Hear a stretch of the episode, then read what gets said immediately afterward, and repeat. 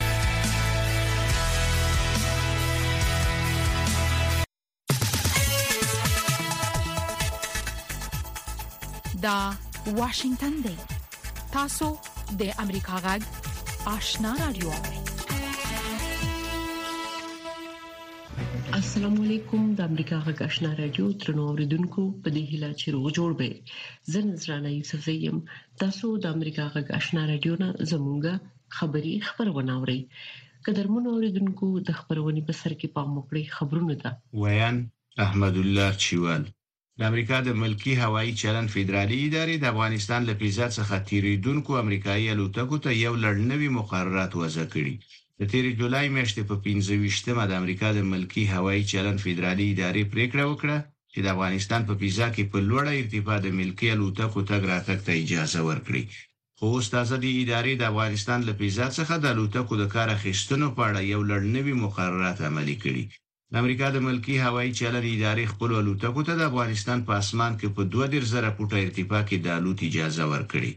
دا هغه ارتفاع ده چې په کې الوتکه په توغندي نه شي ویشتل کېدی. د خوست ولایت په ځاځي میدان ولسوالۍ کې پرون شاوخوا دوه سوه کسان د خیرات ډوډۍ له خوړلو وروسته مسموم شول. د راپورونو له مخې مسموم شوي کسان د ځاځي میدان، باک، صبریو او خوست روغتونونو ته وړل شوي. تر اوسه پورې ډاکټرانو په دې اړه څه نه دي ویلي چې دا کسان د ډوډۍ په خوړلو ولې مسموم شوي، خو وایي چې د ناروغانو وضعیت په ښه کېدو دی او هېڅ یو له جدي خطر سره مخامخ نه دی. د ځاځي میدان ولسوالۍ د امنیه قوماندانۍ ویندوی مستغبر ګربز ویلي چې د پېښې په اړه یې پلټنې پیل کړي. په تهران کې د افغانستان سفارت چې د طالبانو په کنټرول کې دی ویلي چې په ایران کې مېشتو افغانانو ته د پاسپورټ وېش پیلوي. د سفارت له پرونۍ خبرپاڼې سره سم فضل محمد حقاني ویلي، چې د پاسپورټ تدریجي وېش به له نوزېږو کوچنیانو پېل کړي. په تهران کې د طالبانو تر کنترول لاندې سفارت شازدافیر د ایران د بهرنیو چارو وزارت د پاسپورټ څانګې د رئیس سره هم کتلي او له هغه یې غوښتي، چې په ایران کې د زېږېدلو افغان کوچنیانو د اسنادو په برخه کې ورسره همکاري وکړي. د پاکستان لومړي وزیر د اګست پر نهمه د دغه هیواد د استازو جرګې قامي اسامبلۍ د ړنګولو اعلان کړی. شهباز شریف پرون د پنجاب په قصور کې یوې جلسې ته ویلي چې له دې نېټې وروسته به منځمهالی حکومت چارې مخته وړي چې همدغه حکومت به ټاکنې وکړي. هغه د منځمهالي حکومت د لومړي وزیر د نوم په اړه څه ونه ویل خو ژمنه یې وکړه چې که هر څوک پر هغې څوکۍ راشي له درغلیو پاکې ټاکنې به وکړي. له امریکا غږ څخه خبرونو ته دوام ورکوو.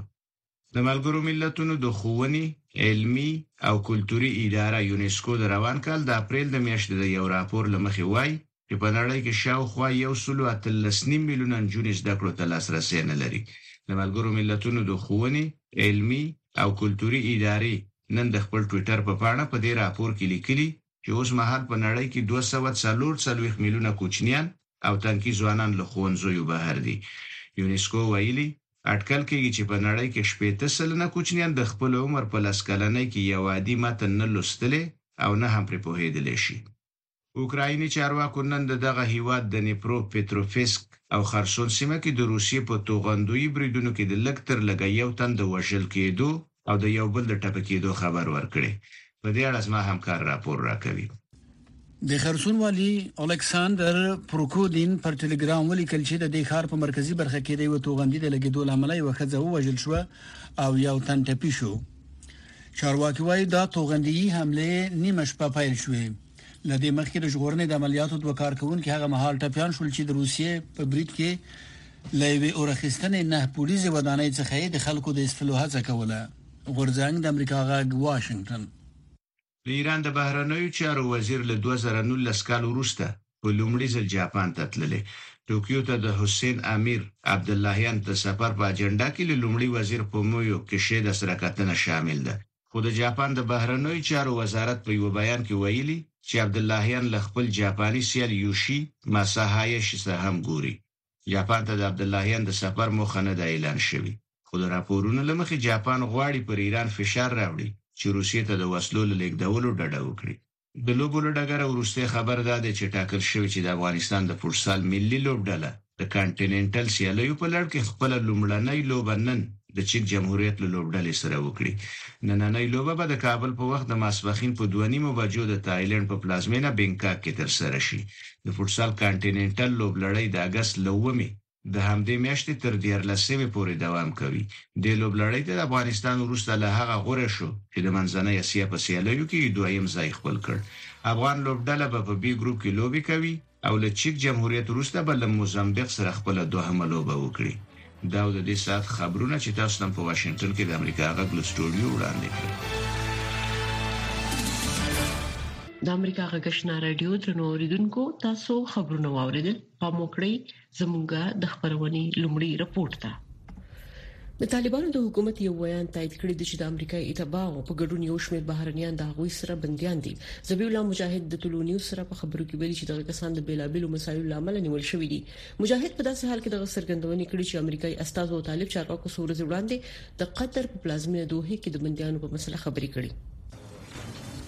د طالبانو د حکومت ویاند ذبیح الله مجاهد پرته لدی چې د بندیانو د شمیر په اړه دقیق معلومات ورکړي تلو نیوز ته ویلي دي چې د امریکایانو په ګډون یو شمیر بهرنیان د امنیتي مسایلو په ګډون د بیلابیلو دلایلو لامل د غوي د حکومت لخوا بندیان شوې دي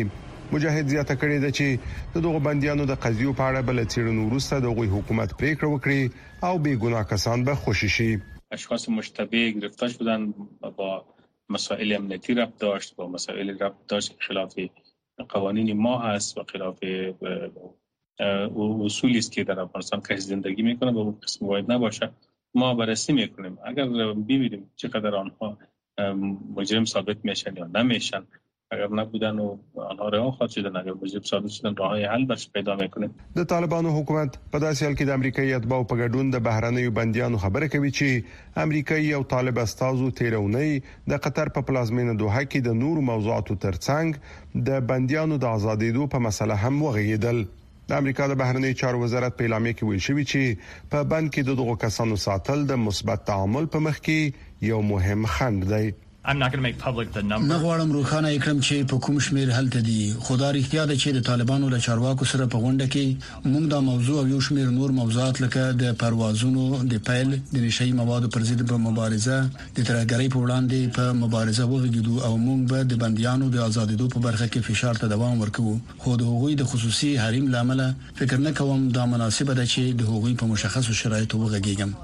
د یو شمېر سرچینو له مخې اوس مهال تر شپېتو زیات افغان امریکایي اتباع چې یا د امریکا تابعیت او یا هم د دغه هېواد د دایمي استوګنې اسناد لري، له طالبانو سره بندیان دي.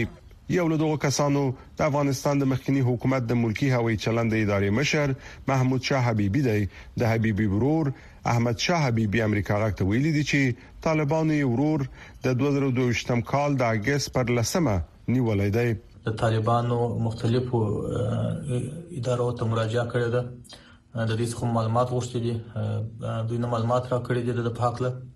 او نه هم د ملاقات اجازه راکړې ده بلخوا بې پولو خبريالانو ویلي دي چې د اګست په اومه نیټه د افغان فرانسوي خبريال مرتضی بهبودي د نیول کېدو و میاشتې پوره کیږي او دغه بنسټ به د هغه تر خوشی کېدو پوري خپل هڅو ته دوام ورکړي د مرتضی بهبودي میرمنې پر یو ټویټ لیکلي چې خاوند په ناحقه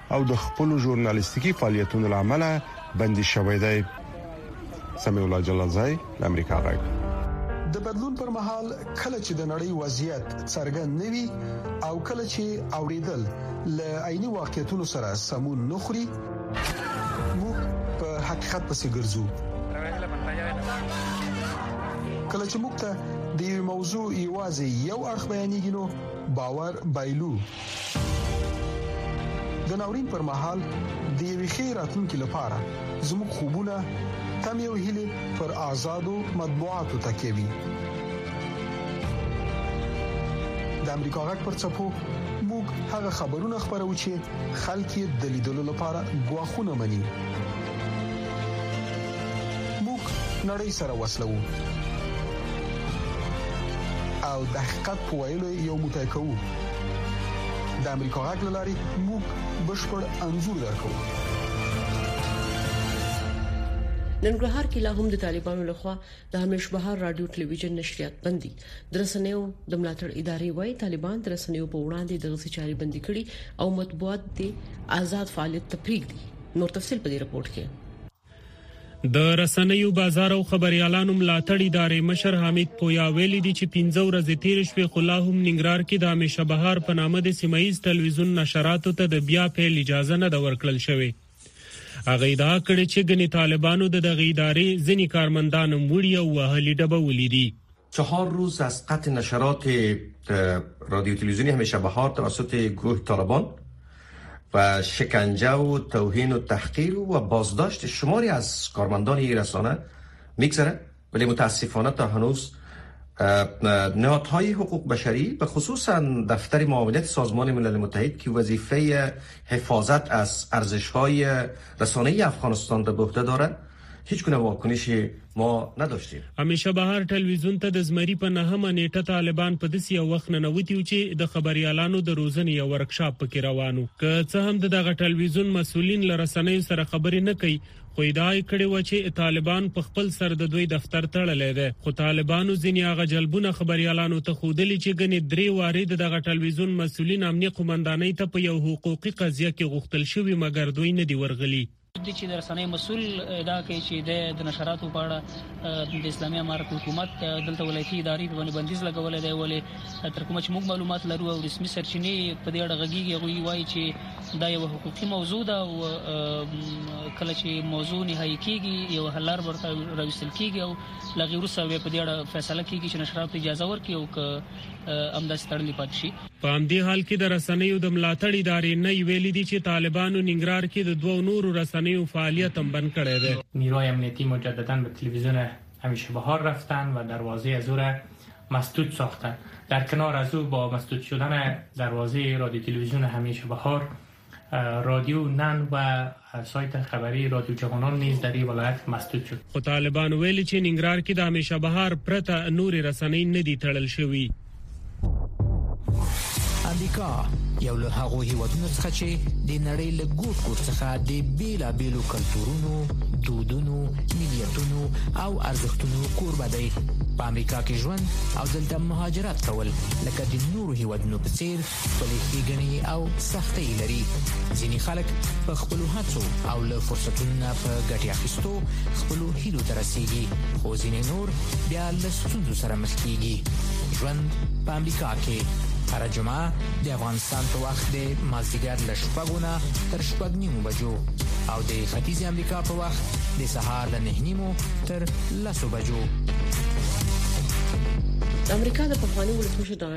ټرمپ حقوقي ټیم ویلي چې دوی به د هغه څه په مخالف پاسيږي چې د مخې محکمې د ډانلډ ټرمپ غوښتي چې د خپل جرم د اعلان په اړه معلومات د عامو خلکو سره شریک نه کړي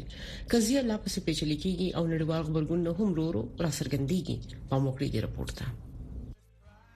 د امریکا پخوانی ولسمشر ډونالد ټرمپ چې یو ځل بیا ولسمشریزو ټاکنو ته درېدلی د شنبې په ورځ د جنوبي کارولینا ایالت په کولمبیا ښار کې د خپل پلویانو یوې غونډې ته د وینا پر مهال پر خپل ځان لګیدل ورسته تور بې بنسټه او پلان شوی وباله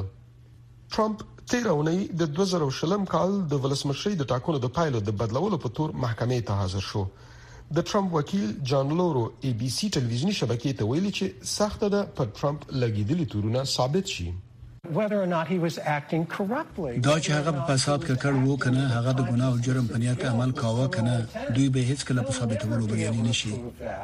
وروسته له هغه چې ټرمپ په ټولنیزو رسنیو کې لیکنه وکړه چې د غچ اخیستلو بوی ترې راوته،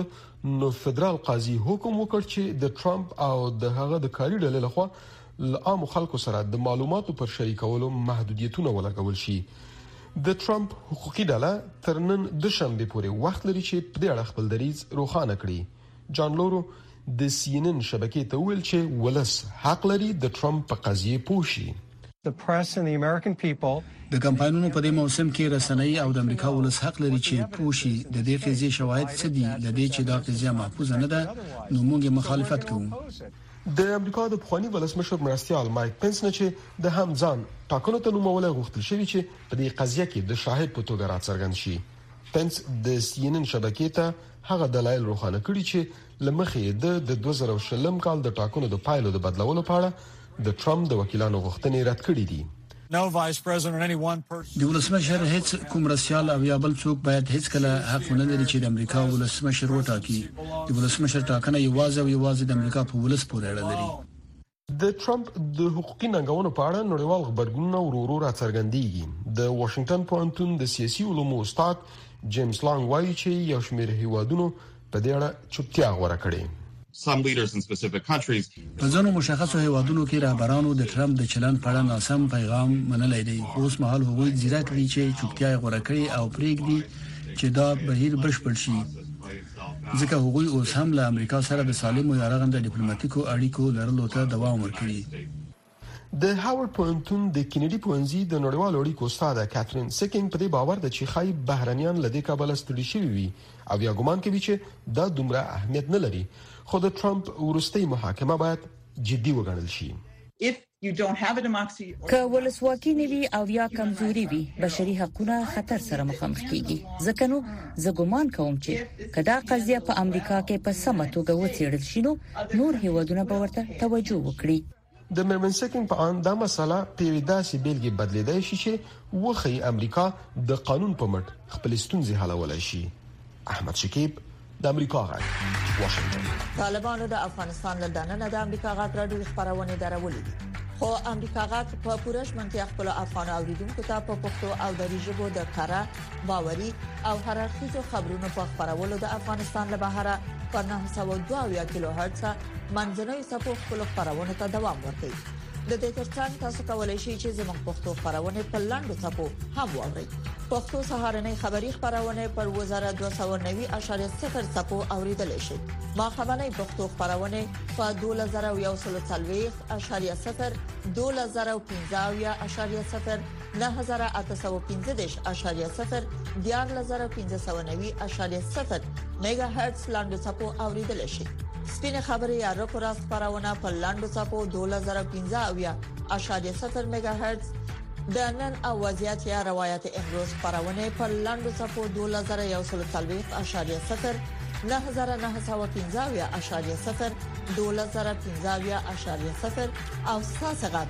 یا صداي شما خبرونه پر لاندو صفو 2015.0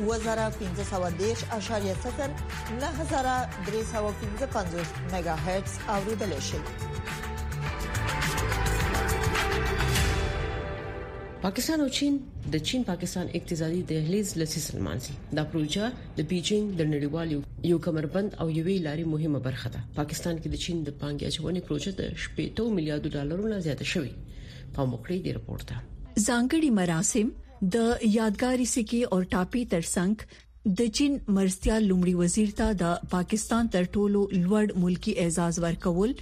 د سی پیک د لسیزې د لمانځلو د مراسمو برخه ده زه فکر کوم چې دا یو لوی بدلون وو او دا د لید، ژمنتیا او ملګرتیا پایله وه. دغه پروژه پر یوه بل د باور او مشترک پرمختګ بیلګه ګرځیدلې ده. دواړه حکومتونه وايي چې چین د دوه زره دیارلسم راهیسې په دې پروژه کې نږدې د پنځه ویشت میلیارډ ډالر پانګونه کړې.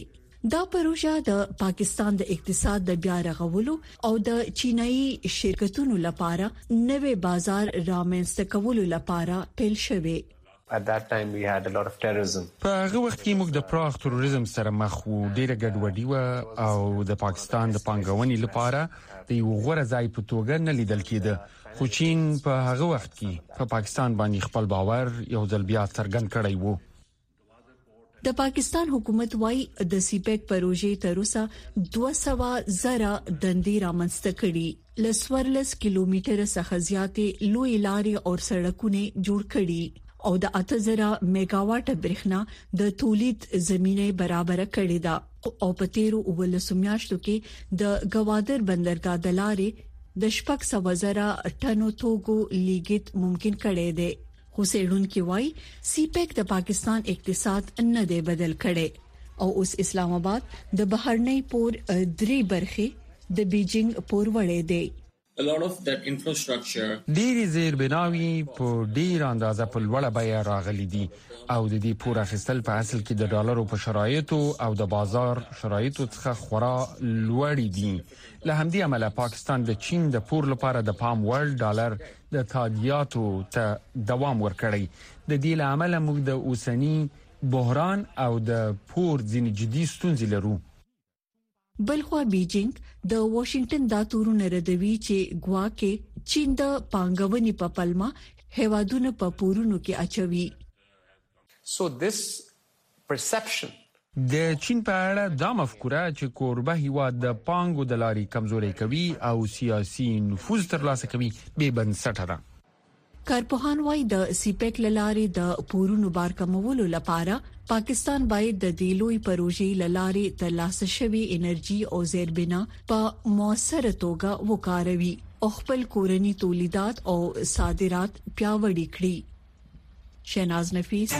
امریکا غږ واشنگټن متضاد اړخونه بیلابیل دریزونه د سپیناوي تود مخامخ بحث او په اخر کې قضاوت ستاسو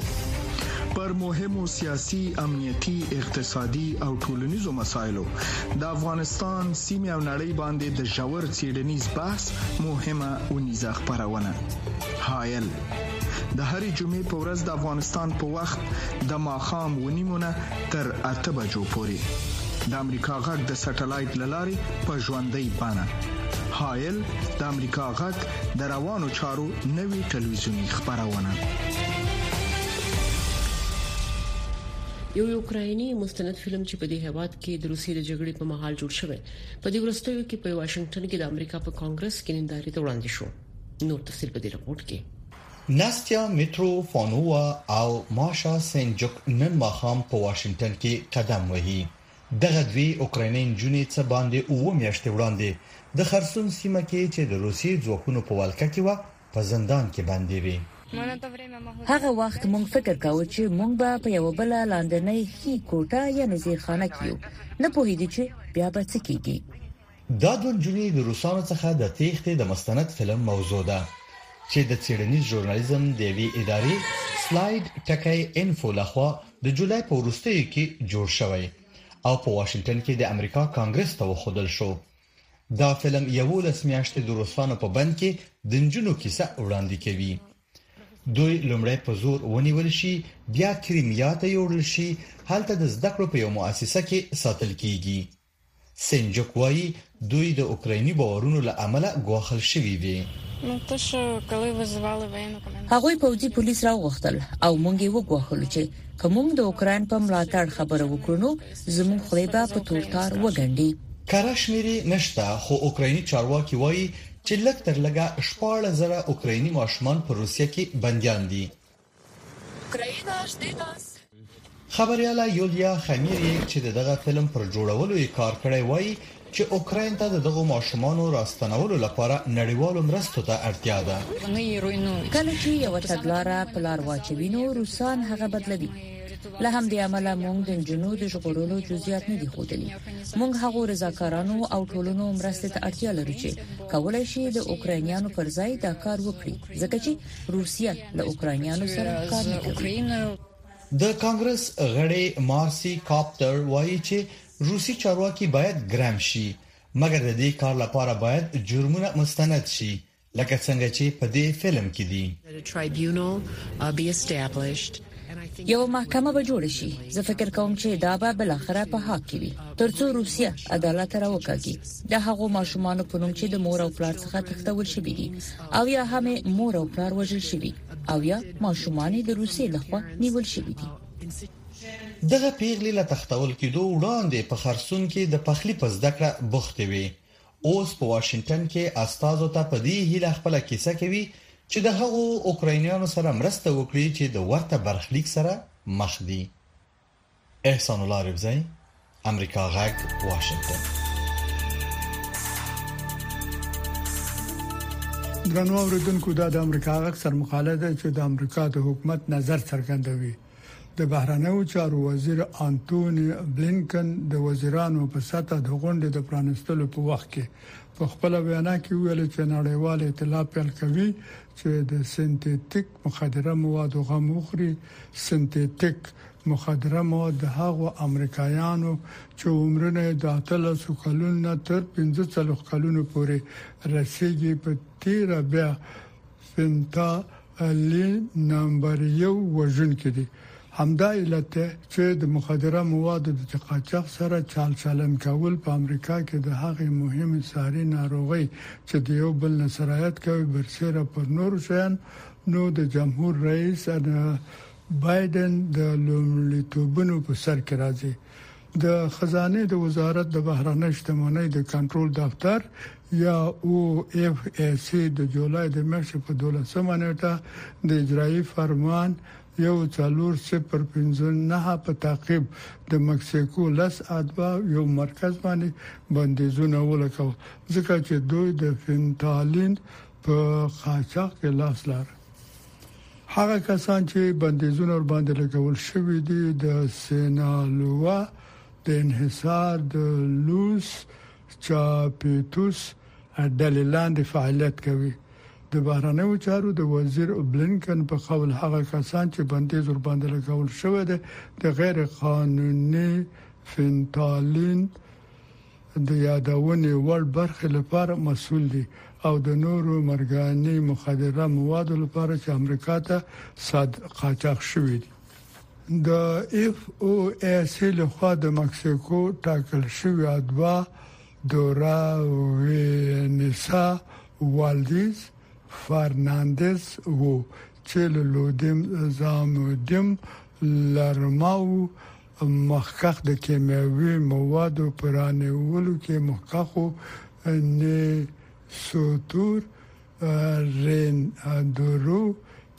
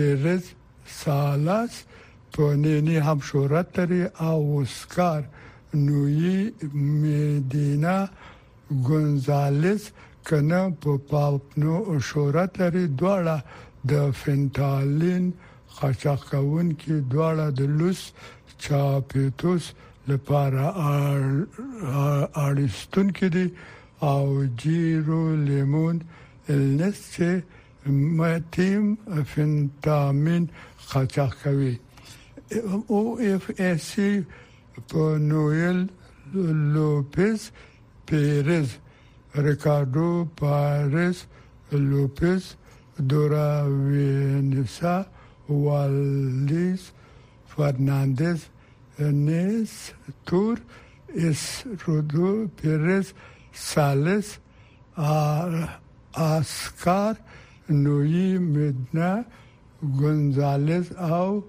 جیرو لیمون الیسن د خپلې بوختیا لپاره یا د فعالیتونو کې د بوختیا کوشش کوي یا انتقالوي چې په مادي توګه ونډه اخلي یا په مادي ونډه اخستلو سره د یادونې د خطر سره مخامخ کیږي چې غیر قانوني مخدره مواد په بین المللي سطح خپروي یا د دوی د تولیداتو وسیلې په عین وخت کې او اف اس سي په یو مرکز باندې چې دفتر په مکسیکو کې د بندیزونو ولګول دا د بین المللي صادراتو او وارداتو آر ای آی شرکت ته چې په منظمه توګه د چین په ولسی جمهوریت کې له صادر کوونکو کیمیاوي مواد لاس ته راوړي په ال سی یو دا لیون به سره باندې هم بندیزونه لګول شوی وو ځکه چې د بین المللي آر ای آی شرکت مشر یا مامور دی په اخر کې او اف اس سی د مکسیکو په اتباو ګي یو لرمو